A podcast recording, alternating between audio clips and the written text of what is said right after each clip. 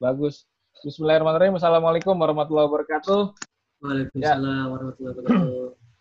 Ya, alhamdulillah uh, kembali lagi di The Santuy Talk.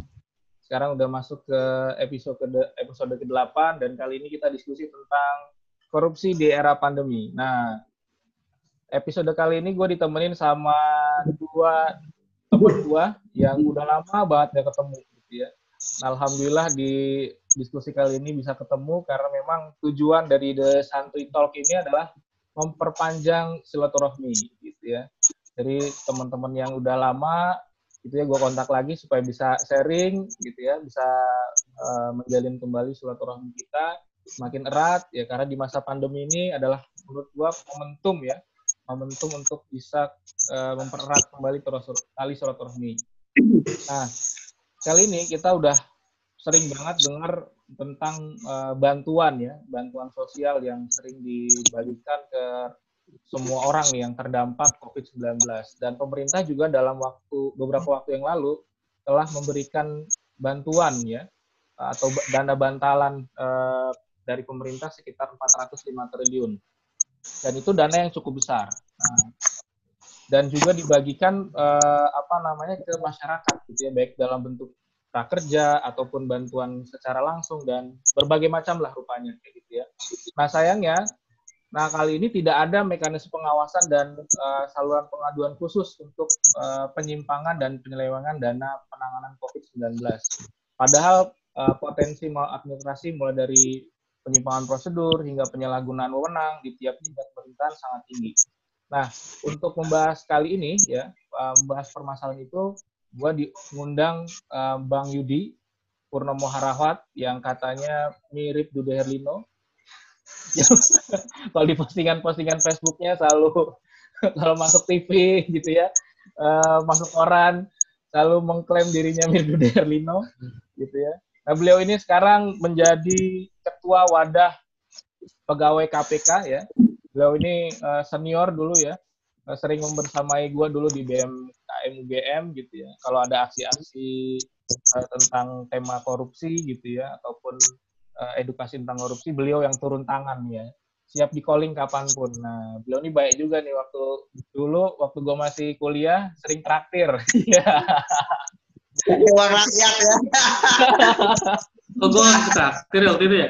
Ya makanya undang beliau, bro. Uh. Ntar kita ngobrol-ngobrol traktir ya kan. Mahasiswa kan momentumnya itu ya. Kalau dia ngundang senior, ngobrol sama senior ya kan. Aji mungkin ditraktir perbaikan gizi kan. nah, ini sama temen gue nih, uh, Ridwan Afwan. Dulu kalau kita sering ketemu di kos-kosan gue, ya kan, kita ngumpul, nginep, wah ada delapan orang kali masuk di kamar gue tuh. Kita latihan nasid gitu ya, sampai subuh gitu kan. Nah sekarang Waduh. beliau ini Halo. Nah sekarang dia jadi Nih. Uh, apa tuh bang? jadi, ambil ambil. Jadi di, direktur ya, jadi direktur pusat pembelajaran anti korupsi di dompet Duafa. Woi udah jadi pejabat-pejabat ya. Kalau gua santuy-santuy aja kayak di pantai ya kan. Direktur gaji staf, tolong dilarang direktur tapi gaji staf ya. Yang penting gengsinya bro, yang penting gengsinya. Nggak ada gengsi-gengsinya. gengsi-gengsinya. siap, siap. Monggo, untuk bahas ini mungkin gue kasih ke Bang Yudi nih. The Lord, eh, apa penanganan atau penanggulangan korupsi di Indonesia. Menurut lu gimana nih Bang? Mengenai eh, persoalan hari ini di eh, persoalan penanggulangan korupsi ya di Indonesia. Nah, terutama tadi lu tadi udah bilang apa tentang revisi undang-undang KPK dan bagaimana uh, KPK bermetamorfosis di masa pandemi ini gitu ya melakukan adaptasi-adaptasi silakan Bang Yudi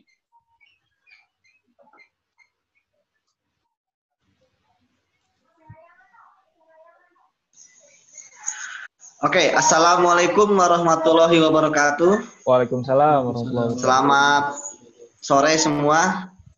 Ya, jika kita jika kita bicara tentang korupsi, kedengaran nggak suara saya? Kedengaran, kedengaran. Halo? Ya, kedengaran, kedengaran bang. Baik. Um, kalau kita bicara tentang korupsi, maka kita harus tarik dulu ke Oke, kita tarik dulu ke masalah hukum yang akan kita terapkan di saat pandemi ini. Apakah kita berdasarkan filosofis hukum harus ditegakkan walaupun langit runtuh gitu ya? Atau keselamatan rakyat merupakan hukum tertinggi hmm. bagi suatu negara? Ini kan ada dua filosofis hukum ya yang menjadi pijakan bagi kita hmm. semua gitu kan.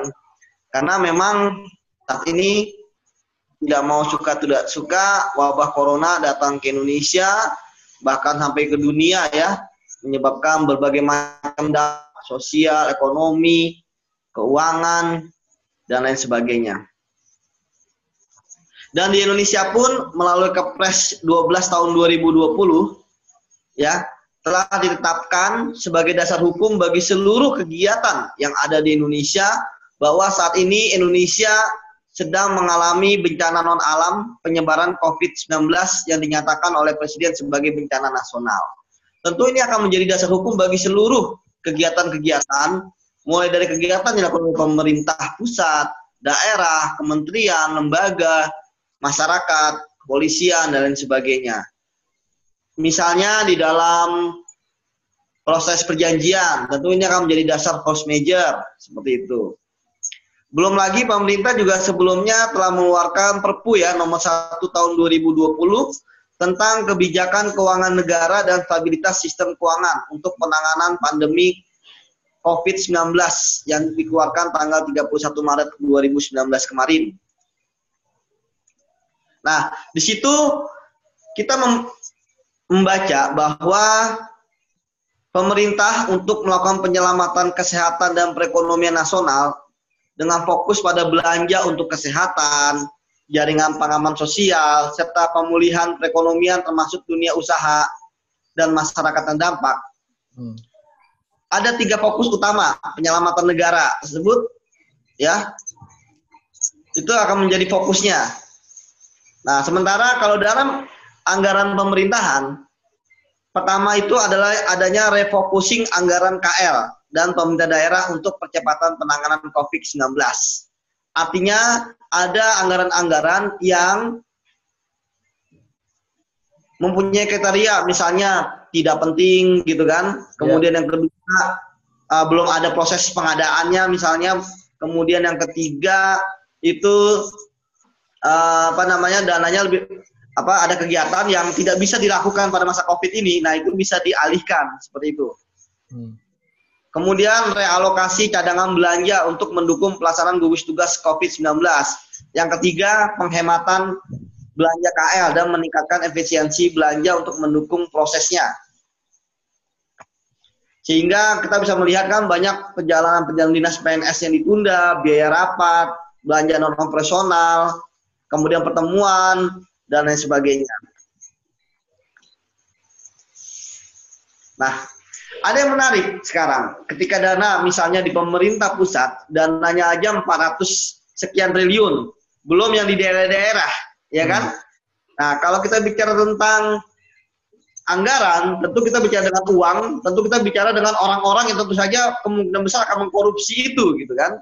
Ya. Karena korupsi saja ketika belum ada corona itu merupakan kejahatan luar biasa, gitu kan? Betul, Apalagi betul. gitu kan? Sehingga tentu saja hampir semua mata hampir semua diskusi tentu bicara tentang wah korupsi jangan-jangan nanti dikorupsi dan sebagainya. Tapi tentu saja kan kita bisa melihat bahwa dari 400 triliun kan itu macam-macam. Ada yang buat beli alat kesehatan membantu gugus tugas kemudian ada juga yang nilainya gede gitu kan triliunan. Ternyata dibagi-bagi sampai ke masyarakat 300 ribu gitu kan hmm. nah jadi itu sebenarnya hanya besar ketika di akumulasikan tapi ketika sampai ke masyarakat itu mungkin antara 300 sampai 600 ribu. Belum lagi bentuknya kan um, ada yang uang ada yang barang dan lain sebagainya. Nah jadi tindak pidana korupsi yang ada di undang-undang tindak pidana korupsi itu tetap berlaku ketika korupsi eh, ketika masa pandemi ini jadi tidak ada upaya atau tidak ada alasan bahwa wah ini ada pandemi nih kemudian sudah ditetapkan sebagai darurat nasional berarti kita bisa korupsi tidak pemahaman yang salah adalah ketika dalam perpu disebutkan bahwa tidak bisa dipidana dan sebagainya. Itu kalau pertama, kalau tidak ada itikat baik di situ, gitu kan? Kan di situ jelaskan bahwa ada itikat baik ya memang benar. Bahkan di KUHP juga dijelaskan bahwa seorang pejabat negara, penyelenggara negara atau PNS yang melaksanakan perintah undang-undang itu tidak bisa dipidanakan, gitu kan? Jadi jangan takut dikriminalisasi kalau anda benar. Jangan takut dikriminalisasi kalau hanya maladministrasi, gitu kan? Yang pertama. Kemudian kedua, kerugian negara. Di situ dijelaskan dalam Perpu bahwa semua pembiayaan itu bukan kerugian negara. Ya benar, memang semua kerugian semua pembiayaan tersebut bukan kerugian negara, gitu kan? Nah, hmm. tetapi kerugian negara itu apa sih? Kalau dalam kerugian negara adalah adanya berkurangnya ya harus ada penuhnya semua unsur-unsur berkurangnya keuangan negara gitu kan dengan adanya perbuatan melawan hukum di situ yang penting hmm. jadi ada kerugian negara kalau tidak ada perbuatan melawan hukum ya belum tentu korupsi seperti itu jadi inilah yang perlu diperjelas gitu kan nah, jadi saya pikir uh, sudah paham ya bahwa tindak pidana korupsi dan unsur-unsur delik-deliknya tetap berlaku ketika masa pandemi ini. Seperti itu.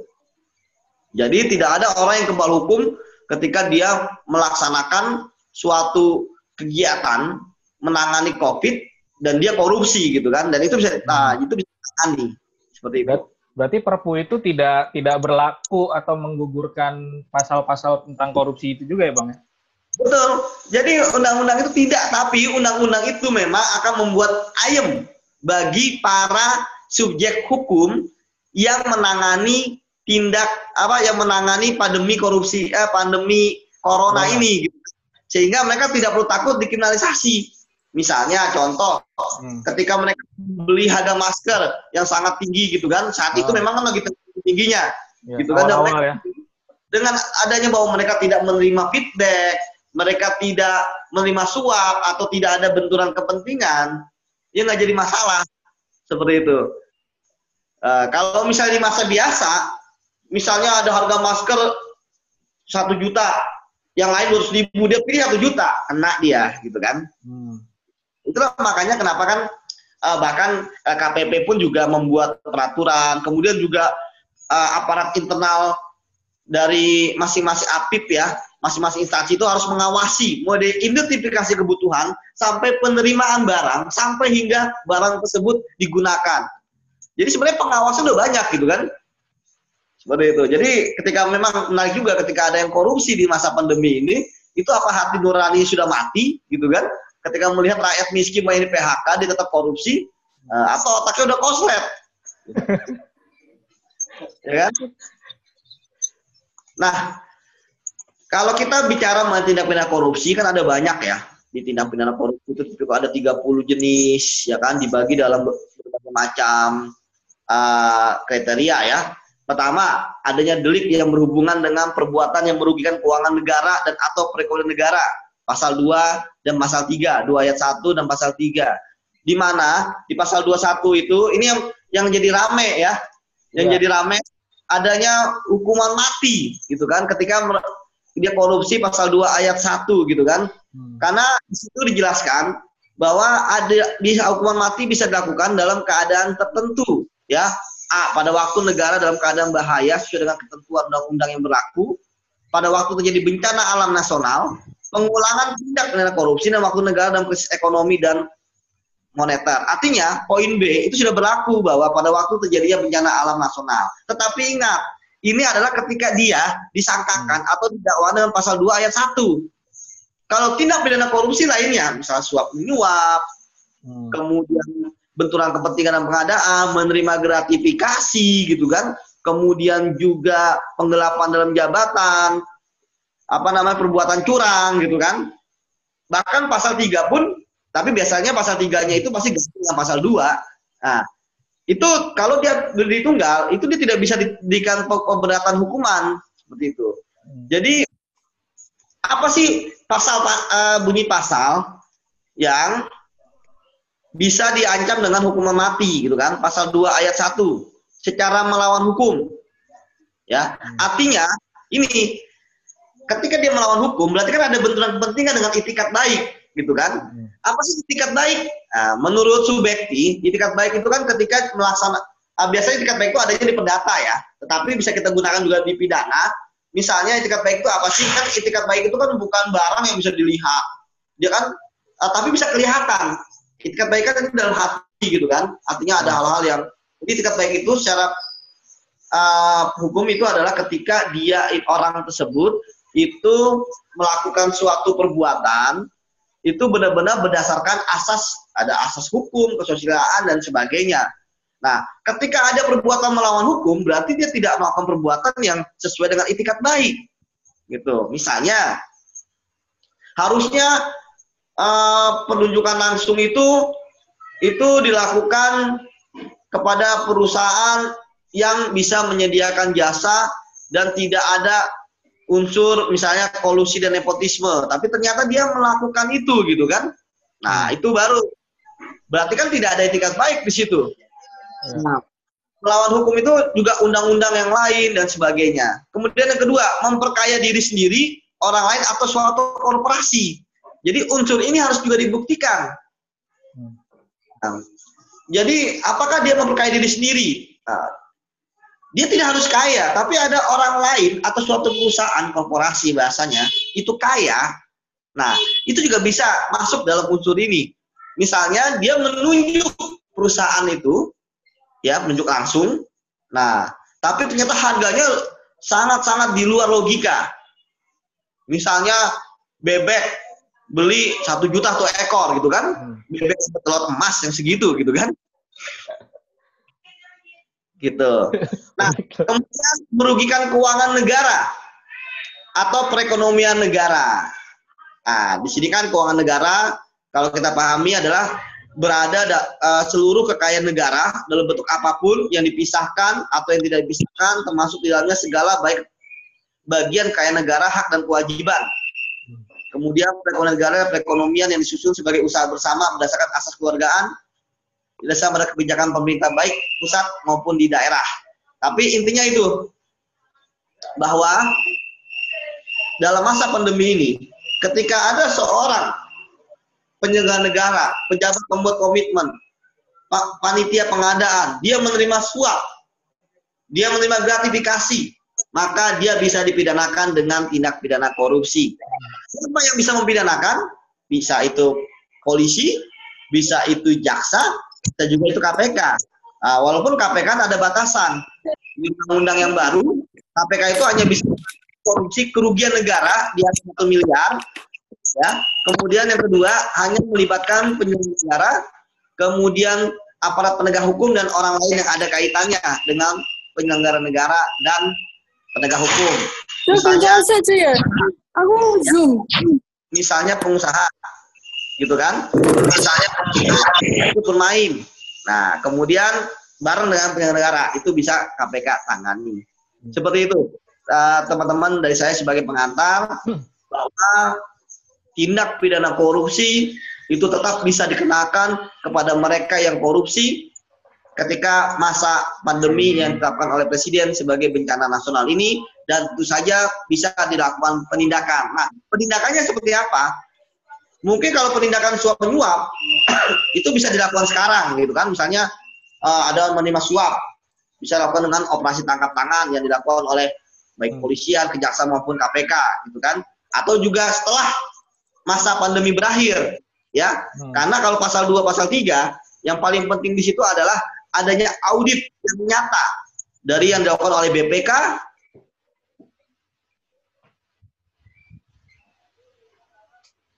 ngedet nih. Tapi kan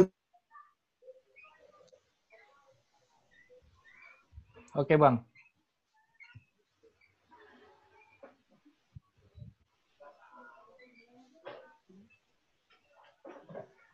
Sinyalnya kayaknya ini nih sinyalnya. Ya, keluar dia. Dia keluar jelasin. Lu kelu dulu Dewan, gimana Wan? Menurut okay. lu Wan? Uh, dari dari segi istilahnya uh, eh, NGO ya, NGO pemerhati hmm. korupsi itu melihat korupsi di masa pandemi itu gimana? Soalnya nah. kan, nah Soalnya kan kalau kita lihat nih yang paling rawan sebenarnya kalau misalkan tadi Bang Yudi ceritain kan memang uh, itu yang di domainnya KPK ya. Tapi yang paling riskan sebenarnya kalau menurut gua nih adalah tindakan TPPU nih. Karena istilahnya dengan istilah dalam tanda petik bansos, terus juga apa Halo? namanya BLT. Udah masuk tuh Bang Yudi. Ah, udah masuk. masuk tuh. Eh, ya Bang. Tadi keluar Bang. Udah ya? ya. Nih. Enggak, kayaknya enak nih, jaringan. Nggak tahu ya, kenapa. Ini Bang, Oke, yang... Sekarang gitu ya? Iya, Apa ya? ya? ya Oke. Okay. Ya. Nih, gue la lanjut ya Bang ya. nah, yang apa namanya yang paling riskan tuh mengenai TPPU itu tuh. Nah, menurut okay. menurut menurut lu gimana nih Wan? Karena kan okay. celahnya besar ya. Mungkin nanti Bang Yudi bisa ngasih pandangan juga ya Bang ya tentang TPPU nih Bang. Karena kayak bansos-bansos ataupun ya kasih-kasih bingkisan itu sekarang itu riskan menurut gua uh, terkait dengan PPPU gitu. Atau mungkin nanti Bang Yudi bisa ngasih tambahan tentang BLT itu gimana nanti. Silakan ke Ridwan dulu deh. Oke. Okay. Baik, Assalamualaikum warahmatullahi wabarakatuh. Salam. Bismillahirrahmanirrahim. Uh, teman-teman, jadi uh, saya mau ngasih gambaran supaya sistematis. Saya sedikit bawa-bawa slide nih, karena slide itu udah berkali-kali dipakai buat saya ngisi jadi enak lah. Jadi biar teman-teman juga dapat gambaran yang komprehensif soal potensi korupsi saat era pandemi ini. Nah gue izin share screen ya Dam ya. Siap udah gue setting. Lanjut. Nah, gimana nih langsung share screen aja bro. Share screen oh ini ya. oke okay. nah sudah kelihatan mantap Nah, pertama-tama kita tuh harus ngelihat terlebih dahulu konteks bencana di Indonesia itu kayak gimana? Karena ini berkait kaitannya sama dengan uh, sama uh, kaitannya dengan potensi bencana uh, potensi korupsi di saat bencana itu sendiri. Nah, COVID-19 ini kan masuknya bencana non alam. Uh, dia itu kalau bencana ada tiga berdasarkan Undang-Undang 24 tahun 2007 dia masuk bencana non alam. Nah, ini yang paling menarik nih. Pada saat uh, penanggulangan bencana ada yang namanya prinsip-prinsip penanggulangan bencana bencana. Salah satu prinsipnya adalah atau salah duanya adalah cepat dan tepat, dan poin E kalau teman-teman bisa adalah transparansi dan akuntabilitas. Nah, kadang-kadang dua hal ini secara di lapangan kadang-kadang berbenturan antara sesuatu yang harus cepat dan tepat sama transparansi dan akuntabilitas kadang-kadang susah dilaksanakan bersamaan. Sehingga ini menimbulkan yang namanya potensi korupsi besar. Nah ini teman-teman, yang paling menarik adalah kalau kita lihat pembagian waktu penanggulangan bencana berdasarkan undang ada yang namanya tahap pra bencana, tahap tanggap darurat, tahap pasca bencana. Kalau aku ditanya di mana letak paling sering terjadinya korupsi saat bencana di waktu yang mana? Tiga-tiganya ada potensi. Pra bencana, tanggap darurat, dan pasca bencana tiga-tiganya ada ada potensi jadi korupsi. Pra bencana misalkan kasus korupsi uh, shelter tsunami di Sukabumi, ketika tsunami datang nggak bisa dipakai shelternya. Kenapa? Karena dikorupsi speknya pada saat mau dipakai malah nggak nggak bisa dipakai. Nah, tapi kalau ditanya mana yang paling riskan, yang paling riskan adalah yang yang merah ini pada saat tanggap darurat bencana kayak sekarang ini. Kenapa? Karena ada konsekuensi-konsekuensi hukum yang mengikuti ketika suatu bencana sudah diterapkan menjadi tanggap darurat bencana, apalagi bencananya bencana nasional. Apa sih konsekuensinya? Nah ini teman-teman konsekuensinya pertama dimungkinkannya kalau kita udah dalam status tanggap darurat bencana, kita kan udah tanggap darurat bencana nih, ada berbagai macam konsekuensi hukum yang mengikuti. Apa itu contohnya? Ada realokasi anggaran. Kita sudah mengalokasikan 405 triliun lebih buat uh, eh, COVID-19 ini. Kemudian boleh diakses dana penanggulangan bencana dari APBN, APBD, dan lain siap pakai. Bahkan boleh menggunakan dana bantuan masyarakat yang pada saat normal pemerintah nggak boleh ngambil dana bantuan masyarakat. Nah, makanya biasanya kalau kepala daerah nih ketika mau menentukan suatu uh, kondisi bencana itu dinaikkan menjadi darurat menjadi tanggap darurat itu dia mikir seribu kali. Kenapa? Karena ada konsekuensi hukum yang mengerikan yaitu kalau udah ditetapkan sebagai darurat nasional atau darurat bencana, keran-keran APBN atau APBN itu bisa dibuka selebar-lebarnya. Ini menjadi menarik. Hmm. Apalagi sih konsekuensi yang paling mengerikan adalah ini. Ada berbagai macam perlakuan khusus ketika terjadi darurat bencana. Pengerahan SDM dipermudah, logistik dan peralatan dipermudah, imigrasi, cukai, karantina dipermudah. Contoh misalkan obat-obatan dari Cina kemarin nggak pakai prosedur-prosedur imigrasi atau biaya cukai. Semua ya. langsung boleh. Bahkan ke depannya kalau di Indonesia nanti tidak akan uh, tidak akan melalui proses imigrasi sebagaimana mestinya, tapi akan dipermudah. Yang lebih mengerikan adalah poin F, eh, sorry, perizinan juga dipermudah. Dan kalau udah darurat bencana kayak sekarang BNPB uh, pengawas atau uh, apa namanya observer, tapi otomatis jadi komando BNPB. Dia boleh memerintahkan kementerian mana untuk menggerakkan SDM, kementerian mana untuk mengeluarkan anggaran dan sebagainya. Yang mengerikan poin F dan G. Ketika status suatu negara atau suatu bencana dalam keadaan darurat atau tanggap bencana, maka ada perlakuan khusus dari aspek pengadaan barang dan jasa. Normalnya pengadaan barang dan jasa itu bisa dilakukan oleh tender, bisa dilakukan dengan Eh, penunjukan langsung, bisa swakola dan sebagainya. Tapi saat terjadi bencana, prinsipnya menjadi lebih mudah, yaitu hmm. yang penting sederhana, cepat, dan tepat. Jadi boleh harusnya tender, tapi boleh langsung penunjukan langsung, boleh nggak? Boleh banget. Dengan melewati berbagai macam prosedur yang harusnya dilewati secara normal, ini nggak langsung di-skip aja. Boleh banget. Langsung Peluang terjadi korupsi ya? Peluang terjadi korupsi nggak? Peluang banget. Kenapa? Dalam hmm. keadaan normal aja, pengadaan itu termasuk salah satu sektor yang paling sering dikorupsi. Apalagi kalau dalam kondisi yang dapat perlakuan khusus atau dipermudah. Makin banyak potensi korupsinya. Hmm. Yang poin G, pengelolaan dan pertanggungjawaban uang atau barang. Ini menjadi menarik. Bahkan di PP-nya dijelaskan bahwa andai kata nih kalau kita pengadaan, kemudian kwitansinya nggak bisa diberikan saat itu juga, boleh. Atau kwitansinya nggak ada, boleh nanti dapat perlakuan khusus. Bahkan pelaporan laporan keuangan itu bisa ditunda tiga bulan pasca pandeminya selesai. Kita aja nih ya orang kantor Ani hmm. yang baru perdin dua minggu itu bukti-bukti keuangan entah bisa di mana-mana itu. Nah, dan kadang-kadang lupa akhirnya nalangin pakai duit sendiri. Apalagi ini dalam kondisi darurat, keadaan hektik, keadaan darurat, kemudian uh, laporan keuangannya bisa disampaikan tiga bulan kemudian ini jadi potensi potensi tersendiri. Nah ini kalau uh, faktor penyebab korupsi bencana bisa dibaca aja nanti. Nah, aku saya pengen jelasin juga nih, apakah korupsi saat bencana itu fenomena global? Ternyata fenomena global. Yang terbaru bahkan di Brazil nomor tiga nih, ketika COVID-19 ini menyerang, Presiden Brazil bahkan melakukan korupsi dalam bentuk conflict of interest dengan menunjuk perusahaan-perusahaan yang dekat dengan dirinya untuk melakukan pengadaan hmm. alat kesehatan. Padahal alat kesehatannya 12 kali lipat harganya dibandingkan harga pasar bayangkan. Dan beberapa uh, apa namanya kontraktor rumah sakit ditunjuk hanya karena dekat dengan Menteri Kesehatannya. Hmm. Dengan kerjaan yang nggak beres juga. Jadi Brazil salah satu contoh kalau mau ngomongin korupsi saat pandemi, fakta dan data udah ada. Ini saat ini ya, Wan ya? Saat ini, ini yang uh, relevan Terbaru, ya? sekarang. Ya? Kalau, kalau poin nomor satu, nomor dua ini secara general memang yang namanya korupsi saat bencana itu terjadi Contoh wabah Ebola 2014-2016 di Guyana and Sierra Leone misalkan. Terjadi banyak sekali nyaris 25% dari anggaran untuk bencananya dikorupsi.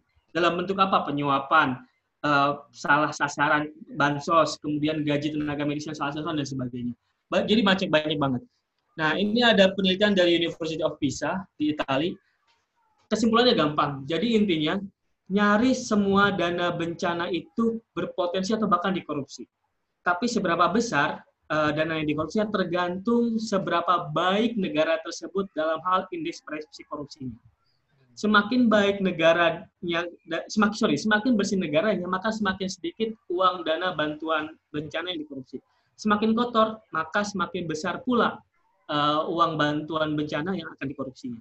Jadi yang namanya korupsi bencana itu berkaitan sama mentality juga, sama uh, natural behavior kita. Manakala terjadi bencana, kita akan melakukan segala cara dan upaya untuk menyelamatkan diri, untuk bikin safety uh, net di kita dan sebagainya. Sehingga orang berpotensi untuk korupsi.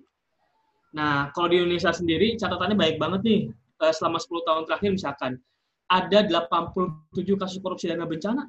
Bayangkan. Jadi yang namanya korupsi bencana ada nggak? Ada faktanya meskipun Bang Yudi tadi bilang korupsi saat bencana alam nasional itu bisa dihukum mati, tapi sampai sekarang nggak ada satu pun yang dihukum mati. Kenapa? Karena memang e, pertama sulit, sulit, yang kedua bahkan rata-rata vonis hukuman koruptor bencana itu di bawah lima tahun. Hmm. Mengerikan banget ya itu udah pernah sampai ini ya apa namanya sampai sidang dan penghukuman ini gitu ya? ini udah ingkrah ya? berarti kalau hmm. udah ini udah ingkrah rata-rata hukuman ya buat koruptor di saat bencana rata-rata lima tahun ke bawah ini datanya ICW mengerikan banget kan padahal orang-orang yang korupsi saat bencana punya potensi untuk dihukum mati loh Kalau memenuhi pasal 2 tadi, apalagi statusnya bencana nasional. Walaupun Ya. teman-teman sekalian, yang namanya darurat bencana nasional itu nggak gampang. Sejarah Indonesia, kita baru menerapkan darurat bencana nasional itu dua. Pertama ketika tsunami Aceh, yang kedua ketika pandemi COVID-19 ini. Karena skalanya besar, dampaknya besar, dan sebagainya. Uh, dan, oh ya, saya perlu menyampaikan juga. Jadi teman-teman sekalian, tidak saya perlu, menyampaikan ini karena menjadi pertanyaan yang menarik ya, bahwa tidak ada satupun negara dunia ini yang siap menghadapi COVID-19.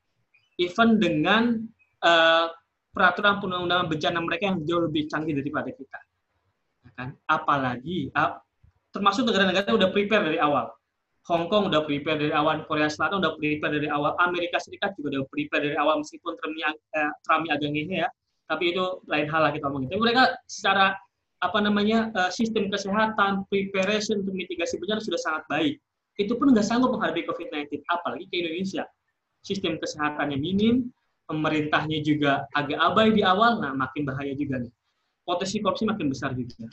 Nah, kemudian di mana sih potensi korupsi bencana COVID-19 ini? Kita perlu lihat dulu. Ini yang namanya lokasi rawan uh, bencana COVID-19. Dia ada di hulu maupun di hilir. Di hulu di mana? Di sektor penerimaan. Banda, pemerintah, seperti saya bilang tadi, pemerintah boleh ngambil dana bantuan masyarakat dalam bentuk uang dan barang. Nah, kalau mekanismenya nggak jelas, ini jadi potensi korupsi sendiri. Nah, mudah-mudahan ini kursor saya kelihatannya. Nah, kemudian yang kedua di pajak PNBP dan bea cukai. Kalau ini normally memang sering terjadi korupsi di sektor penerimaan. Dan yang kedua ada di sektor pengeluaran belanja dan pembiayaan. Ada, kita udah dari 405 triliun ini kita udah mengalokasikan 75 triliun untuk kesehatan. JPS itu jaringan pengaman sosial atau social safety net, bansos bansos itu yang kata Dama tadi. Nah makanya kadang-kadang kita tuh sering uh, terjebak, oh kalau korupsi saat bencana tuh fokus pada bansosnya aja. Padahal enggak Hmm. Ada banyak aspek yang di sana ada rawan korupsi aja. Kita kalau kita ngomongin kesehatan misalkan, yang paling besar alokasi dana untuk uh, kesehatan ya. Belanja negara, eh sorry, PBJ, pengadaan barang dan jasa alat kesehatan. Kalau teman-teman baca uh, apa namanya uh, penelitian ICW soal tren korupsi sektor kesehatan, justru yang paling besar adalah sektor kesehatan PBJ Alkes. Nanti saya jelaskan.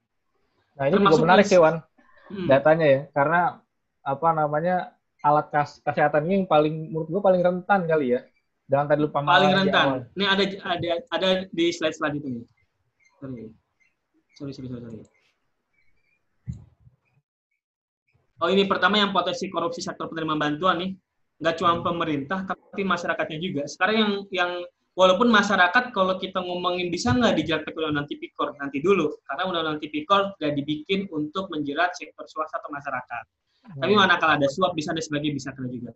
Sekarang yang kalau kita ngomongin siapa yang uh, galang dana ada lembaga kemanusiaan, media massa, perusahaan, individu atau swasta atau swadaya lainnya. Dan masing-masing punya kualitas dan uh, parameter transparansi berbeda-beda ataupun kualitas pengelolaan bantuan dan penyaluran berbeda-beda. Potensi korupsinya ada nggak? Ada pastinya. Hmm. Kalau pemerintah yang boleh uh, ngambil dari penerimaan bantuan ke masyarakat itu cuma BNPB bentuknya hanya uang dan barang. Kalau uang harus ditransfer, kalau barang langsung diantar ke BNPB. Nah, ini potensi sudah saya jelaskan, tinggal dibaca teman-teman. Nah, teman-teman lihat deh. Sekarang potensi korupsi sektor PBJ alat kesehatan. Ini paling menarik. Kenapa PBJ alat kesehatan harus kita monitoring dengan luar biasa? Karena pertama, sektor kesehatan termasuk sektor yang rawan terjadi korupsi. Dia termasuk 10 besar sektor yang paling, paling sering terjadi korupsi di dalamnya. Yang kedua, pengadaan dalam kondisi darurat bencana itu dapat uh, dalam kondisi bencana itu beda sama kondisi normal. Di kondisi normal aja PBJ Alkes itu udah jadi bancakan. Contohnya hmm. yang terjadi sama Ratu Atut sama Wawan, korupsi Alkes yeah. RSUD Tangsel. Nah, uh miliaran rupiah, apalagi saat bencana, di mana beberapa mekanisme, beberapa tahapan dilompati. Nah, kemudian pengadaan alat kesehatan dan sarpras merupakan pengadaan yang relatif sulit dimonitoring. Contoh paling gampang kayak gini, saya pengen menganalogikan kayak gini. Misalkan Dam, ada pengadaan uh, pengadaan uh, komputer jinjing di SD uh, terusan satu misalkan. Hmm. Merek komputernya adalah Asus. Kemudian dia pakai uh, core-nya Core i7. Kita kita kira-kira bisa meng, uh, memperkirakan nggak harganya berapa? Bisa kan? Bisa. Kan banyak lah. Di marketplace juga ya, bisa kita lihat. Di Bukalapak bisa, di Tokopedia yeah. bisa kita lihat parameternya. Tapi kalau gue tanya sekarang, pengadaan ventilator tipe A19 misalkan. Hmm. Lu tahu nggak harganya berapa? Nggak tahu, nggak ada di nggak tahu kan? kan soalnya. Nggak ada di market di marketplace juga belum tentu ada. Iya. Ya kan? Nah, ini yang menjadi membuat uh, apa namanya monitoring pengadaan alat kesehatan itu menjadi semakin sulit. Kenapa? Karena barangnya itu limitatif, spesialis, nggak semua orang tahu speknya, nggak semua orang tahu harganya dan sebagainya. Distributor juga terbatas susah, gitu ya? Betul, distributor terbatas dan sebagainya. Sehingga kita sulit memonitoringnya. Yang terakhir adalah informasi pengadaan alkes dan sarpras penanganan COVID-19 sangat terbatas dan kurang transparan. Lo kalau buka website LKPP misalkan, atau buka hmm. sirup, buka LPSE dan sebagainya, kalau kita mau lihat dokumen perencanaannya nggak bisa, susah. Atau dokumen kontraknya nggak ada. Karena itu yang ada di itu, karena emang di desainnya yang namanya dokumen kontrak tuh memang uh, saya nggak tahu harusnya itu dokumen yang gitu ya? diakses publik, tapi ya menjadi kan? seolah-olah konfidensial. Padahal kalau publik uh, biar publik semakin gampang monitoring kan harusnya dokumen kontrak yang dilihat, bukan hanya sekadar siapa apa yang, pemenang ya, siapa hmm. pemenangnya, jumlahnya berapa kan nggak bisa. Ya. Nah, kalau pengadaan alkes dan sebagainya, flow general gitu kita nggak tahu rinciannya pengadaannya apa aja. Itu bisa kena delik di Undang-Undang Keterbukaan Informasi, eh, Informasi Publik nggak sih? Harusnya bisa. Hmm. Nah, cuman memang di uh, website-website tersebut didesain tidak terlalu detail untuk memberikan informasi. Nah ini bisa bisa ditanya juga nih ke Bang Yudi nih. Nah itu uh, metodenya gimana kak? Iya. nah ini saya terusin dikit lagi dah. Siap. Korupsi berdasarkan sektor tuh kesehatan paling tinggi nomor 7 kan. 2019 aja. Nah, di, dari sektor kesehatan ketika di apa namanya di Zoom korupsi sektor kesehatan paling banyak di aspek apa? Ternyata nomor satu dana alat kesehatan. Hmm. Ya kan? Datanya fakta bilang ini kondisi ketika pengadaannya masih normal loh, Dam. Hmm. Apalagi keadaan pengadaan dalam kondisi COVID-19 kayak begini. Ada potensi nggak? Ada. Ada nggak orang yang jahat ketika COVID-19? Banyak. Pasti banyak yang ngaji mumpung kan gitu kan. Secara nalar, mumpung nalar apa hipotesa sederhananya gitu ya. Nah, karena Lord Acton pernah bilang power tends to corrupt absolute power corrupt absolutely, nah. ya kan? Apalagi jangan kan kuat ya. Jangan, jangankan orang yang punya power kuat, masyarakat umum nih ketika ada kesempatan untuk uh, nimbun masker dijual dengan harga lebih banyak lebih mahal, ada nggak yang melakukan itu? Banyak, banyak kan? Banyak. Padahal kita pikir sebagai orang normal kok nggak punya hati nurani orang-orang kayak gitu. Ya? Tapi ada juga teman saya, temannya teman saya nimbun masker sampai bisa beli rumah, untungnya 4 miliar lebih gara-gara nimbun masker. Nah, sekarang yang mampus itu yang nimbun-nimbun masker harga udah turun. Nah, ini nah ini kalau potensi korupsi dalam pengadaan COVID-19 di mana aja ketika pengadaan ya, di semua aspek dah dari dari aspek perencanaan, pelaksanaan pemilihan, pelaksanaan pekerjaan, penyelesaian pembayaran bahkan ada. Di semua tahapan pengadaan saat COVID-19 ini ada potensi nggak ada di bawah saya jelaskan. Contoh paling kecil saat penyelesaian pembayaran apa potensi yang ada kickback. Kickback itu semacam habis uh, pot, uh, kayak potongan lah, suap dalam bentuk potongan setelah proyeknya selesai dan sebagainya. Ini teman-teman tinggal baca deh. Ini contoh misalkan uh, dokumen di sirup sistem rencana umum pengadaan. Apakah dari dokumen ini kita bisa memonitor secara rinci? Kan nggak mungkin. Hmm. Ini, nah ini terakhir dari saya selain ngomongin pengadaan, kita juga punya potensi korupsi di jaringan pengaman sosial atau bahasa gampangnya bantuan-bantuan langsung tadi. Pertama, kita punya problem, apakah programnya efektif dan tepat sasaran? Contoh paling gampang, kartu prakerja.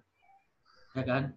Orang butuh makan, orang butuh dana langsung, sekarang bukan butuh bagaimana pelatihan, bagaimana membuat CV yang baik, bagaimana mancing supaya dapat ikan. Ya kayak gitu yang dibutuhkan sekarang kan. Apalagi Awas mahal jatuh, pula, kan? Mancing-mancing. Dan apakah tepat sasaran itu pertanyaan utamanya. Kedua, ketersediaan dan akurasi data penerima bantuan. Sekarang di berita muncul banyak banget orang ya. protes karena nggak terima bantuan karena datanya nggak akurat, pakai data tahun lalu, which is mereka uh, belum kena bencana. Yang lebih mengerikan lagi nih, Dam, ada kelompok kelas menengah yang rentan miskin dan mereka juga atau kelompok-kelompok rentan miskin yang sebelum COVID-19 ini kan data data masyarakat miskin kan dibuat sebelum COVID-19 kan. Ya, betul. Nah, ketika sudah COVID-19 ini, berapa orang yang akhirnya jatuh, bahkan ada di bawah garis kemiskinan? Itu gimana data, pendataannya sebagainya? Nah, kan jadi susah sendiri sih. Ada nggak peluang potensi konflik of interest ketika pendataan ulang? Banyak banget. Peluang nggak tepat sasaran ada nggak? Banyak banget. Paling contoh paling kecil aja. Di DKI Jakarta kabarnya ada anggota DPRD DKI yang ternyata masuk ke dalam data penerima bantuan. Anggota DPRD coy, masih mau menerima bantuan rakyat miskin. Nah, dan terakhir adalah keterbatasan anggaran JPS. Contoh kartu prakerja, kalau ini kartu prakerja paling gampang dicontohin soalnya. Yang menang kartu prakerja ternyata nggak semua yang membutuhkan, tapi berdasarkan undian dari arisan. Coy. Nah, ini lebih kocak lagi. Kenapa? Karena keterbatasan anggaran. Potensi korupsinya apa? Ada konflik of interest saat penyaluran, pungli, penerimaan bantuan fiktif, dan sebagainya. Rekomendasinya ini bisa dibaca. Itu kalau dari Dam. Terima kasih. Assalamualaikum warahmatullahi wabarakatuh. Assalamualaikum warahmatullahi wabarakatuh. Ya, Bang Yudi, gue pengen balik lagi ke lu nih, Bang. Bang, mana Bang Yudi hilang nih? Mana Bang Yudi? Nggak ada, dia capek lihat set gua kayak langsung balik. Tapi ini, Wan, apa namanya? Uh, yang jadi menarik tuh uh, yang lu tahu ya, ini nunggu Bang Yudi, nunggu Bang Yudi. Mekanisme yang uh, dilakukan sama KPK ini sebenarnya kayak gimana sih ya? apa namanya? Uh, untuk bisa menanggulangi peluang-peluang yang besar kayak gitu. Ataupun dari sisi masyarakat lah kayak gitu. Karena kalau kita lihat nih uh, potensi korupsi itu kan bukan hanya kepada pejabat negara nih kalau gue lihat saat ini.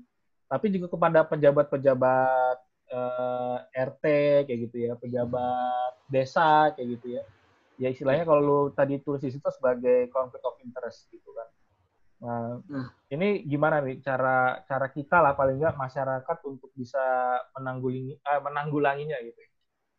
Nah, yang pertama uh, jadi apa yang bisa masyarakat lakukan ya dalam kondisi ya. potensi korupsi semakin besar kayak gini? Yang pertama yang selalu saya sampaikan sih, pertama adalah meningkatkan sensitivitas kita terhadap uh, kondisi di sekitar kondisi sekitar tuh baik terhadap tetangga-tetangga kita yang nggak makan dan sebagainya. Tapi kalau konteksnya korupsi adalah meningkatkan sensitivitas kita terhadap peluang terjadinya penyelewengan-penyelewengan.